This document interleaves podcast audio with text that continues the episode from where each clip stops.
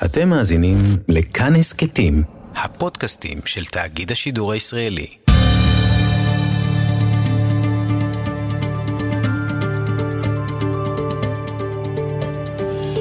כיוון הרוח עם בני טייטלבוים שלום וברכה. זוכרים את הנאום ההוא של ראש הממשלה נפתלי בנט ביום השבעת הממשלה במליאת הכנסת? אותו נאום צעקות מפורסם. היו שם כמה הבטחות בתחום הדת והמדינה. הבטחות שלפחות על הנייר, כל מפלגות הקואליציה, כל מפלגות הממשלה, יכולות לחיות איתם בשלום. נזכיר. שנים אנחנו מדברים על הורדת גיל הפטור של צעירים חרדים מגיל 24 ל-21 ועכשיו אנחנו הולכים לעשות את זה. המשמעות היא אדירה ולא סתם אתם מתנגדים. המשמעות היא אדירה. זה בעצם בטוב, לא בכוח, משחרר צעירים שרוצים לצאת ולעבור הכשרה, לצאת לעבור הכשרה בגיל צעיר. מי שרוצה להישאר ללמוד תורה, ימשיך. כן, והיה עוד נושא. המונופול של הרבנות הראשית. נפתח תחרות במערך הכשרות תוך קביעת סטנדרטים, מה שיקל על בעלי המסעדות וישבור את המונופול החונק שיורד לחייהם, יוריד את מחירי המזון בישראל, אבל יחזק את האמון בכשרות. אז מה הסיכוי שזה יקרה? לשם כך עלינו לרגל לירושלים לפרופסור ידידיה שטרן.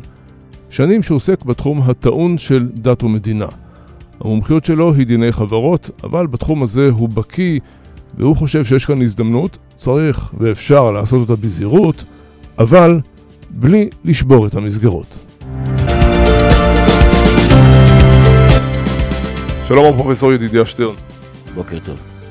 נשיא המכון למדיניות העם היהודי, פרופסור למשפטים, אוניברסיטת בר אילן, ממשלה חדשה, שונה מהותית, מה היא כן יכולה לשנות בתחום הדת והמדינה? קודם כל החידוש הגדול פה הוא כפול.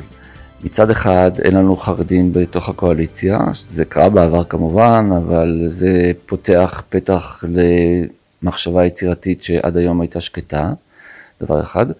דבר שני, ראש הממשלה הוא מהציונות הדתית ושר הדתות הוא מהציונות הדתית. אה, אני לא יודע כמה שניהם ינצלו את הכוח שמופקד בפניהם כדי לעשות שינוי, אבל בוודאי יש פה הזדמנות היסטורית שקשה להיזכר מתי לאחרונה הייתה קיימת.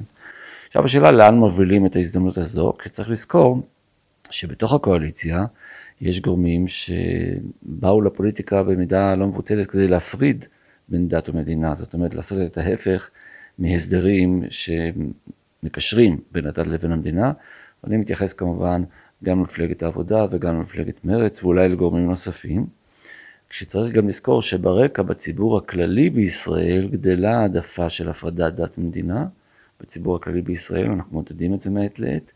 יחד עם זאת, ברור שזה לא פרקטי על סדר היום להפריד, והשאלה איך לקיים את המתח בין דת ומדינה. מה זה אומר בעצם להפריד דת ומדינה? כי לפעמים יש גם גורמים חרדים שאומרים, תפרידו, אנחנו נעשה מגילות יוחסין, תעזבו אותנו.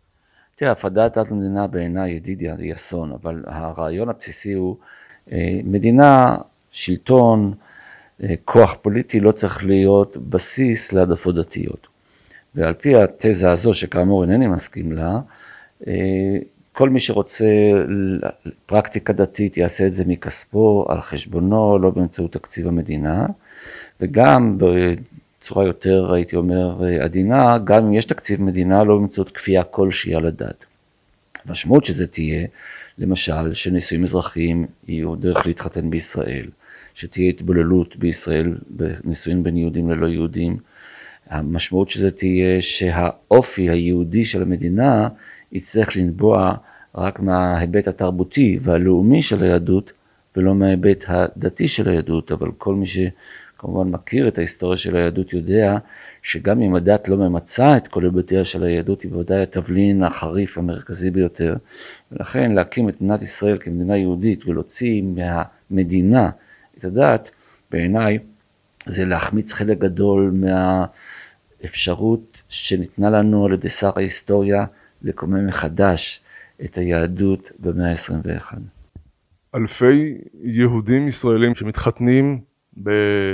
כל מדינות העולם ובאים לכאן, זה, זה לא אומר שיש כאן הצבעה ברגליים נגד החיבור הזה בין דת למדינה? לא, זאת אומרת, יש בהחלט ברחבי העולם אנשים שיהודים שמתחתנים, לא יהודים. אגב, יצא לאחרונה, לפני שבועיים, סקר של מכון יוקרתי אמריקני בשם פיו, שהנתונים שהוא נתן לנו שנישואין בצפון אמריקה, שבהם אחד מהצדדים הוא יהודי, ב-71 אחוזים, אחד, הצד האחר איננו יהודי, דהיינו נישואי תערובת.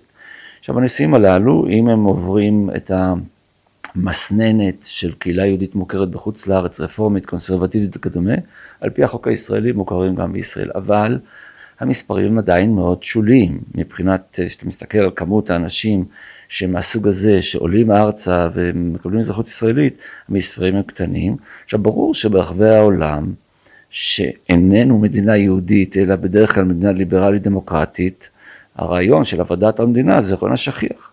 אבל הנפקא מינה שלנו, מגילת העצמאות מדברת על כך, חוק הלאום מדבר על כך, וכל חיינו הלאומיים מדברים על כך, אומרת לא, אנחנו שונים, אנחנו מדינת לאום, וללאום הזו, הזה יש דת, ולדת הזו יש תכנים, והתכנים הללו קשורים ליחסים האישיים, קשורים לגיור, קשורים לכשרות, קשורים לכל מיני דברים, גם לסמלים, שנותנים את התוכן של מהי מדינה שהיא לא רק דמוקרטית, אלא גם יהודית. אז מה על השולחן בעצם, מה נפתלי בנט יכול להוביל בתוך קואליציה כמעט בלתי אפשרית? מה מעשי? תראה, אני חושב שקודם כל יש הרבה דברים שאפשר לעשות שהם לא במסגרת חקיקה, אלא במסגרת אה, רגולציה. דהיינו, שר הדתות, במקרה הזה מתן כהנא, בהחלט יכול לקדם נושאים שונים שתקועים בצנרת הרבה שנים, בלי לכנס רוב פורמלי בכנסת כדי לבצע אותם. יש לו סמכות ביצועית כמשרד ממשלתי. אני יודע שהוא הכריז שהוא רוצה לכהן לא רק כשר לשירותי דת, אלא כשר לענייני דת ומדינה. אני מקדם בברכה את הרעיון הזה, תלוי כמובן מה התוכן שלו. אבל הרעיון הזה שהדת זה לא רק לספק אה, מקווה נקי וסידורים בבתי כנסת, אלא גם להיות אחראי לזהות בהקשר הדתי, הוא רעיון שאני מאמץ בשמחה רבה. כמובן אני נגד כפייה, אלא אם כן היא הכרחית, וצריך להסביר את הדבר הזה, אבל ככלל אני חושב שהשריר הבסיסי שלנו צריך להיות, אין טעם לכפות את הדת, זה לא מועיל לדת ולא לאחרים. אלא אם כן אין ברירה משום אינטרסים לאומיים. אז נדבר על זה. בכל מקרה, מה ניתן לעשות? שאלת. קודם כל, סוגיית הכשרות היא סוגיה שבה להערכתי העניין בשל לביצוע. אני לא רואה שיהיו התנגדויות רציניות. למען האמת, אפילו הייעוץ המשפטי של הרבנות הראשית לישראל, אני אומר את זה משיחות אה, שניהלתי, מוכנים לגרסה כזו או אחרת של שינוי. ומה טיב השינוי? המוצע, האפשרי. הרעיון הינו שהרבנות הראשית תהיה בסך הכל גוף שבודק את האמינות של ההבטחות של ספקי מזון, מסעדות, אולמות, מלונות, נותנים לנו לגבי טיב הכשרות. נניח שתהיינה כמה דרגות כשרות, א', ב', ג', ד', כל אחד מאיתנו יחליט כאדם דתי או כאדם מסורתי מה הרמה שהוא מעוניין לשמור. כל אחד מהמקומות שמספקים את ההסעדה אה, יצטרך לחייב את עצמו לאיזה דרגה הוא נאמן, והרבנות לא תעסוק בהלכה, אלא תעסוק ברגולציה, באדמיניסטרציה. האם כשהמסעדה הזאת אמרה אני כשרה מסוג ב', האם אכן היא כזו. המשמעות תהיה שמשגיחי הכשרות יכולים להיות מקומיים, דהיינו לאו דווקא באים על ידי מי שמונה על ידי הרבנות, למשל שמו שמיים ואזיני ארץ, הם יכולים להיות גם נשים. אצלי בבית משגיחת הכשרות היא אישה, רעיית איש תחיה, אז אני גם סומך עליה במסעדה. וכולי וכולי וכולי, ניתן לפתוח את העניין, וכמו כל דבר, כמו שיש תקנים למכוניות ותקנים למה שאתה קונה בכל חנות, בכל נושא, יהיו תקנים לכשרות, והמדינה באמצעות גוף מתמחה, קוראים לו הרבנות הראשית לישראל, תבדוק את האמינות של הדברים הללו עם סמכות מנהלית.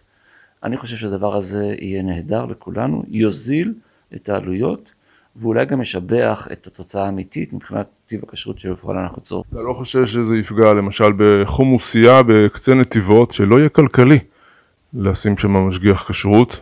ההפך, עכשיו לא כלכלי לשים שם משגיח כשרות, עכשיו אין לה משגיח כשרות, עכשיו היא משלמת, ועכשיו היא משלמת לפי אה, אמירות שאני לא יודע לעמוד מאחוריהן, אה, יותר ממה שצריך. ברגע שהדבר הזה יהיה פתוח לכוחות השוק, אני מניח שיהיה בנתיבות עוד אדם שהסכים לשרת אה, כמשגיח כשרות בחומוסייה בצורה זולה יותר, כי הוא יכול להתחרות עם כל העולם, והוא לא צריך לעבור דרך הרבנות הראשית ולקבל שם הסמכה ממישהו, שהיא מפוקפקת בעיניי ובעיני רבים, כך שבדיוק ההפך יקרה. בוא נדבר על ה... נאחוז בשור בקרניו, נושא הגיור. כן, בעיניי זו הסוגיה אולי הכי חשובה בסוגיות דת ומדינה, גם סמלית וגם מעשית. אה, שוב, אנחנו יודעים מדוחות אה, שחלקם פורמליים, חלקם לא, שחלק הארי, די יותר מ-50% מהעולים היום ממדינות אה, חבר העמים אינם יהודים על פי ההלכה ועל פי דיני מדינת ישראל. הנשים הללו ברובם הגדול כבר לא מבקשים להתגייר כי יצא שם רע לגיור וכולם מבינים שזה מאוד מסובך וגם אדם שנאמן ולא רוצה לשקר לא יכול להתגייר אלא אם כן הוא מחליט וזה רק מיעוט של מיעוט להיות דתי בנוסח שהרבנים בבית הדין מעוניינים בו. כאשר בפועל חלק גדול מהאנשים הללו היו מוכנים, א' הם מאמינים, אנחנו יודעים שחלק גדול מהם מאמינים בקדוש ברוך הוא, כמו רוב היהודים המסורתיים וגם החילונים בישראל, וב' הם יכולים לנהל אה, את אורח החיים המקובל בישראל המסורתי. השאלה אם זה מספיק לגיור כן או לא, היא שאלה הלכתית שלא אני אה, מוסמך לענות לה. אבל הפתרון הריאלי שאני חושב שהוא מתבקש וניתן יהיה להשיג אותו בלי לשבור כלים בצורה חדה מדי, הוא מתן האפשרות לרבנים שהוסמכו על ידי הרבנות הראשית לישראל להיות דייני גיור, במסגרת זה שהם, דייני, שהם רש, אה, רבנים ראשיים של ערים ויישובים, מטעם הרבנות הם הוסמכו, וברגע שניתן לכל אחד בישראל את האפשרות להתגייר בבית דין, שוב אני מדגיש, של רב שהוסמך על ידי הרבנות הראשית לישראל והוא משמש כרב עיר או כרב יישוב, אפשר להרחיב, אפשר להקטין, ברגע שכך נעשה, ואנחנו יודעים שיש בין הרבנים הללו כהנה וכהנה רבנים שמוכנים לאמץ לא עמדה מקלה בגיור, אלא עמדה שמקבלת את הגר כפי שנהגו ברוב תולדות ישראל על פי הלכה פסוקה והשאלות והתשובות שיש עמנו מכל הדורות כולם. עכשיו מאז ומתמיד מסורת ההלכה הינה שיש פלורליזם בגיור, דהיינו כל בית דין קובע את הסטנדרטים. גם במדינת ישראל הדבר הזה אפשרי. לא הייתי ממליץ לקחת את הגיור ולהפוך אותו לעניין פרטי. הגיור חייב להיות ממלכתי, כי משמעות הגיור הינה גם האפשרות לקבל אזרחות ישראלית. אתה לא רוצה לתת לכל רב באשר הוא שם את האפשרות לקבוע את מדיניות ההגירה של מדינת ישראל. לכן זה חייב להיות ממלכתי. אבל השמירה על כך שמי שמגייר הוא רב עיר שמונה לתפקידו על ידי הרבנות הראשית לישראל, שומרת בדיוק על העניין הזה. האם החשש של החרדים מכניסה של גיור רפורמי, לפי השיטה שלך, אין חשש כזה בעצם? נכון, אני חושב שכל עוד מדובר במצב שבו הגיור נעשה על ידי רבני ערים, אין, אנחנו יודעים בישראל, רבני ערים שאינם אורתודוקסים, נכון להיום. זה הדבר נובע מזה שהרבנות הראשית היא רבנות שסגורה בפני רפורמים וקונסרבטיביים, נכון להיום. אז המצב הנוכחי מבטיח שלא יהיה גיור רפורמי וקונסרבטיבי בישראל שיוכר על ידי המדינה. אנחנו יודעים שהיום בג"ץ מכיר בכך, והסיבה היא שאין חוק גיור. אם יהיה חוק גיור, בהחלט אני מניח שהוא יגיע לבג"ץ, והיועץ המשפטי לממשלה, אני אשמח לעזור לו בכך, יצטרך אה, להגן לחוק גיור שכזה, אבל ברגע שיש חוק גיור שמייצר מנגנון הגיוני לכניסה אל העם היהודי, שזה גם כניסה למדינת ישראל כאזרחות, אני חושב שיש סיכוי שהדבר הזה יעבור בבג"ץ. אם אני מבין נכון ממה שאתה אומר, כל הזעקה החרדית היא לאבד שליטה, הגמוניה, מונופול, ג'ובים. זה נכון או שזה אנטישמי לומר את זה? לא זה ולא זה. לא כל דבר שהוא אה, נגד החרדים הוא אנטישמי. אבל אני, אני חושב שיש פה שילוב של שני דברים. ברור שכמו כל קבוצה, ואני לא מתייג את החרדים, יש אינטרסים גם שהם לא לשם שמיים, אלא לשם בני אדם, שזה בסדר גמור, זה נורמלי, זה חלק מהחיים.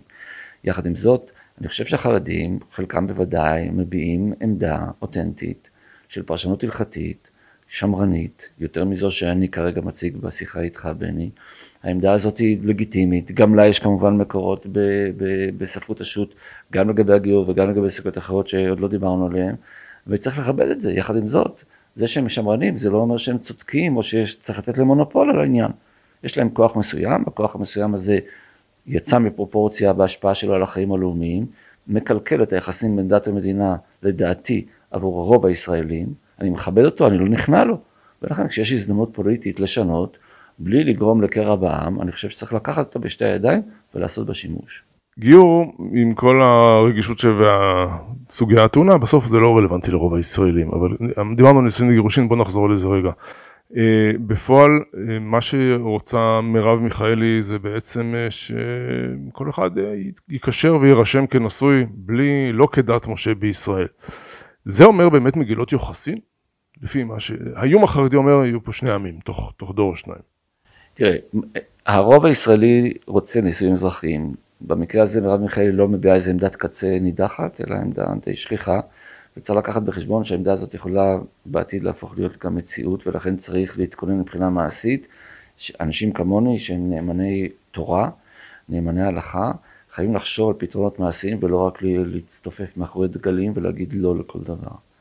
ולכן אני חושב שחשוב דווקא עכשיו, כשקיימת קואליציה מהסוג ההטרוגני הגדול הזה הקיים, עם רצון טוב בסיסי להיות ביחד, ניתן להעלות את הרעיון שאני חושב שהוא נהדר מבחינת נקודת ראות הלכתית ודמוקרטית של ברית זוגיות חילונית. אני אסביר בשתי מילים מה הכוונה. הרעיון הוא ליצור שני מסלולים ליצירת זוגיות שהתוצאה המשפטית שלהם זהה. מי שבחר במסלול האחד או במסלול האחר, מנקודת הראות של דיני מדינת ישראל יקבל את אותן זכויות וחובות ביחסים שבין בני הזוג. שני המסלולים מה הם? מסלול אחד זה המסלול הקיים, מסלול של נישואין כדת משה וישראל, שכרגע הוא המסלול הבלבדי. שאני יודע שהמאזינים שהם דתיים מבינינו אומרים, אסור לגעת בזה. אני מציע לגעת בזה כדי להתכונן לאפשרות יותר גרועה, מבחינת דתית. והמסלול השני, לכן, הינו מה שנקרא ברית זוגיות, או אפשר לקרוא לזה ברית זוגיות חילונית, כשהכוונה היא ששניים שרוצים לקשור את עצמם יחדיו במה שבמדינה אחרת הנקרא נישואים אזרחיים, בישראל יקשרו את עצמם לא באמצעות נישואין, המונח נישואין שמור לנישואין על פי דת משה וישראל, כי זו מדינה יהודית וזו מסורתנו, זו מסורתנו, אלא השניים יוכלו ליצור קשר אזרחי, נניח מרשם או משופט שלום או מין פונקציה אזרחית חילונית, שתכיר בכך שהשניים מעוניינים לקשור את גורלם יחדיו, וכפי שאמרתי בפתח הדברים, הדבר הזה יוכר על ידי דין המדינה. זה חייב להיעשות בפרוצדורה, וזה קריטי, שלא תעורר ספק נישואין בקשר הזה. כי ברגע שיש ספק נישואין, אם הם ירצו להפריד את הברית שלהם בעתיד, מצד הספק נצטרך גם לעשות ספק גט, מה שיעורר שוב את כל השאלות הקשות שאנחנו רוצים לברוח מהן. ולכן הרעיון הוא ליצור מסלול שהוא כולו חילוני, שאין שאלה דתית שהוא לא תקף, ואז אנשים יחיו ביחד. למען האמת כיום יש כבר מוסד קיים של ידועים בציבור. אבל יש לו מגרעות, לא ניכנס לניתוח המקצועי, יש לו מגרעות, הוא לא מספק את אותו דבר, לא בצד של הזכויות ולא בצד של החובות. ואני חושב שצריך לאפשר למי שלא רוצה להתחתן עם רב, ברבנות כמו שקוראים לזה, שיעשה את זה, אבל שיעשה את זה בדרך שמצד אחד הזכויות והחובות שלו יהיו זהות למי שעשה, למי שהתחתן כדת משה וישראל, מצד שני הוא לא יזדקק להתרת נישואים על פי דת משה וישראל, שיוצרת בעיות של חוסר שוויון מגבר ואישה. מה יהיה על ילדיהם של אותם זוגות? שום בעיה. הם אה, ילדים רגילים לכל דבר ועניין, אין, אין להם שום קטלוג אה, אה, אזרחי. אני מניח שמאחורי השאלה שלך מסתתרת השאלה האם מישהו יחשוב שהם ממזרים, התשובה היא לא, ממזרות היא כמובן לא רלוונטית, ממזרות זה רק בין אישה נשואה לבין מי שאיננו בעלה, וכיוון שהם לא נשואים, השניים בברית הזוגיות, אז השאלה לא מתעוררת. אה, יש פה חללים, דברים כאלה, נכון? אין, אין שום משמעות, אין סטטוס הלכתי לאדם שנולד מחוץ לנישואים. ירושה עם כהן, גיורת עם כהן, מה דין ילדיהם? אוקיי, אז היא לא יכולה להתחתן עם... אין לזה נפקות הלכתית ונפקות בדין הישראלי הקיים. אין לזה משמעות. האנשים הללו זכאים לכל דבר ועניין כמו כל אחד אחר להתחתן בעתיד. ילדים מתרומת זרע. אה, יכולים להתחתן אח ואחות. כלומר, אתה, אתה מאבד פה כל, כל פיקוח בעצם, לא? לא, מה פתאום, כל מה שאתה אומר הוא הסדר הביורוקרטי, צריך רישום, יהיה רישום. ברית הזוגיות החילונית היא לא פרטאץ', היא נעשית מול שופט או מול רשם, והדבר נרשם וכולם יודעים את הכל, בדיוק כמו ברבנות, ואולי אפילו יותר טוב מאשר ברבנות. לא יכול להיות. אז למה החרדים מתנגדים בעצם למיטב הבנתך? טוב, אני יכול להבין בהחלט, הנה אני אציג לך את העמדה החרדית. החרדים אומרים, יש לנו פה מדינה יהודית. כל תולדותינו הצלחנו לשמר את ייחודנו באמצעות מוסד המשפחה, שהאבן הפינה שלו זה נישואין כדת משה וישראל. למה עושים נישואין בטקס? בגלל הפומביות. באה המדינה היהודית ומעקרת מתוכן ופותחת דרך אחרת לחיות שלא על פי מוסד המשפחה כמנהג אבותינו, שומו שמיים והאזיני הארץ. אני אישית מזדהה עם העמדה הזאת. הייתי רוצה שאף אחד לא ילך לברית הזוגיות החילונית. אבל בהיותי גם ליברלי וגם מבין את לאן הרוחות נושבות, בעולם כולו, לא רק פה אבל גם פה, אני חושב שצריך לתת פתרון שההלכה יכולה לסבול אותו. וזה היתרון של העניין הזה. אין שום בעיה הלכתית אם עושים את זה על פי פרמטרים מדויקים שאנחנו מכירים אותם. נשאל שאלה פילוסופית אה, מוסרית, ההיריון של הממשלה הזו היה מחוץ לרחם. הובטחה הבטחה ברורה, חד משמעית, בוטה למצלמה, וההבטחה הזו הופרה. ממשלה שכזו יכולה באמת להוביל מהלכים כאלה דרמטיים? כן, התשובה היא כן. קל מאוד להצביע על מעשים דומים שנעשו בעבר וקיבלו תוקף דמוקרטי, החל מפינוי סיני על ידי ראש הממשלה בגין, מפורשות, דרך פינוי או ההתנתקות אה, על ידי שרון. אני מסכים שיש בעיה מוסרית, בני, אני מסכים. אני רק אומר לך שהריאל פוליטיק של, אה, של הדמוקרטיה הוא בדיוק מה שאנחנו רואים כאן היום. אה, וכל אחד שיסתכל בשטח שלו, במגרש שלו, במפלגות שהוא תומך בהן, וישאל את עצמו האם אותו, אותה סרחה קיימת גם בהן. אני לא בא להגן פה על, על, על עמדה פוליטית כזו או אחרת, רק אציין לפניך שחוקר מפורסם, אולי הכי מפורסם בדורנו, של הפילוסופיה הפוליטית יהודי בשם מייקל וולצר מאוניברסיטת פרינסטון, כתב לפני כ-30 שנה ספר שנקרא The Problem of Dirty Hands, הבעיה של הידיים המלוכלכות, והוא בעצם אמר הדמוקרטיה זה אופייה. היא מחייבת, אה, הוא לא התייחס דווקא לסוגיה הספציפית הזאת, אבל אנחנו יודעים. אה, ועוד קלישאה מפורסמת שאומרת שזה השיטה הגרועה ביותר, האחרות הגרועות ממנה. אז אני לא מצדיק את זה, והלוואי וזה לא היה קיים, והלוואי וניתן היה לקיים הבטחות, אבל להערכתי כמעט כל אחד מה, מהמפלגות אה, איננה מקיימת את הבטחותיה, לא כולם, אבל כמעט כולם, ואנחנו רואים שזה משתקף, וזו הטרגדיה, ברמת אמון מאוד נמוכה של הציבור הישראלי במפלגות. בבית המשפט היום הוא מאמין רק כ-50 אחוזים. בעבר זה היה 80, ירידה דרמטית, כולם מכירים אותה. בכנסת רק 30 אחוז מאמינים, ובמפלגות 16 אחוזים. אתה יודע מה המזל של המפלגות? זה שיש את העיתונות, של מידת האמון עוד פחות. והרבנות הראשית. כלומר, אתה אומר שממשלה כזו יכולה להוביל, מה שאומר אגב שממשלה בעוד שנתיים, שלוש, ארבע, כמה שנים שהממשלה הזו לא תחזיק, יכולה להפוך את ה... כלומר, אם שוברים את הכלים עכשיו, ישברו את הכלים גם בעתיד, נכון?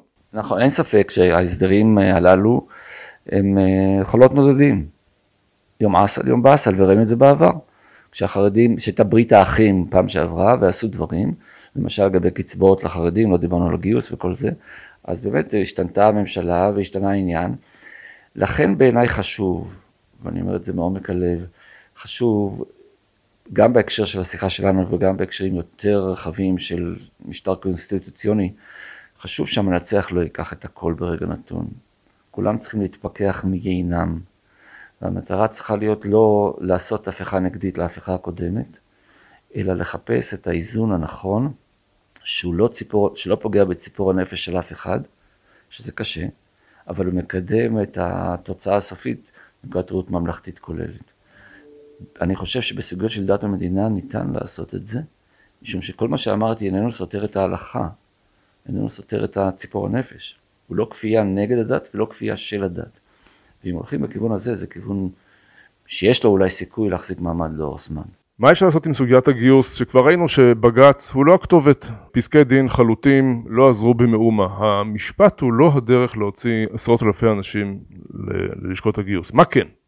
קודם כל אני מסכים, שהמשפט אה, לא יכול להכריע בסוגיה החברתית הזאת, למרות שהוא מנסה, הלך לעולמו בשבוע שעבר, כבוד השופט טל, זה די מדהים, ישבה ועדה בראשות שופט בדימוס, הציעה הצעה, ההצעה הזו חוקקה בכנסת.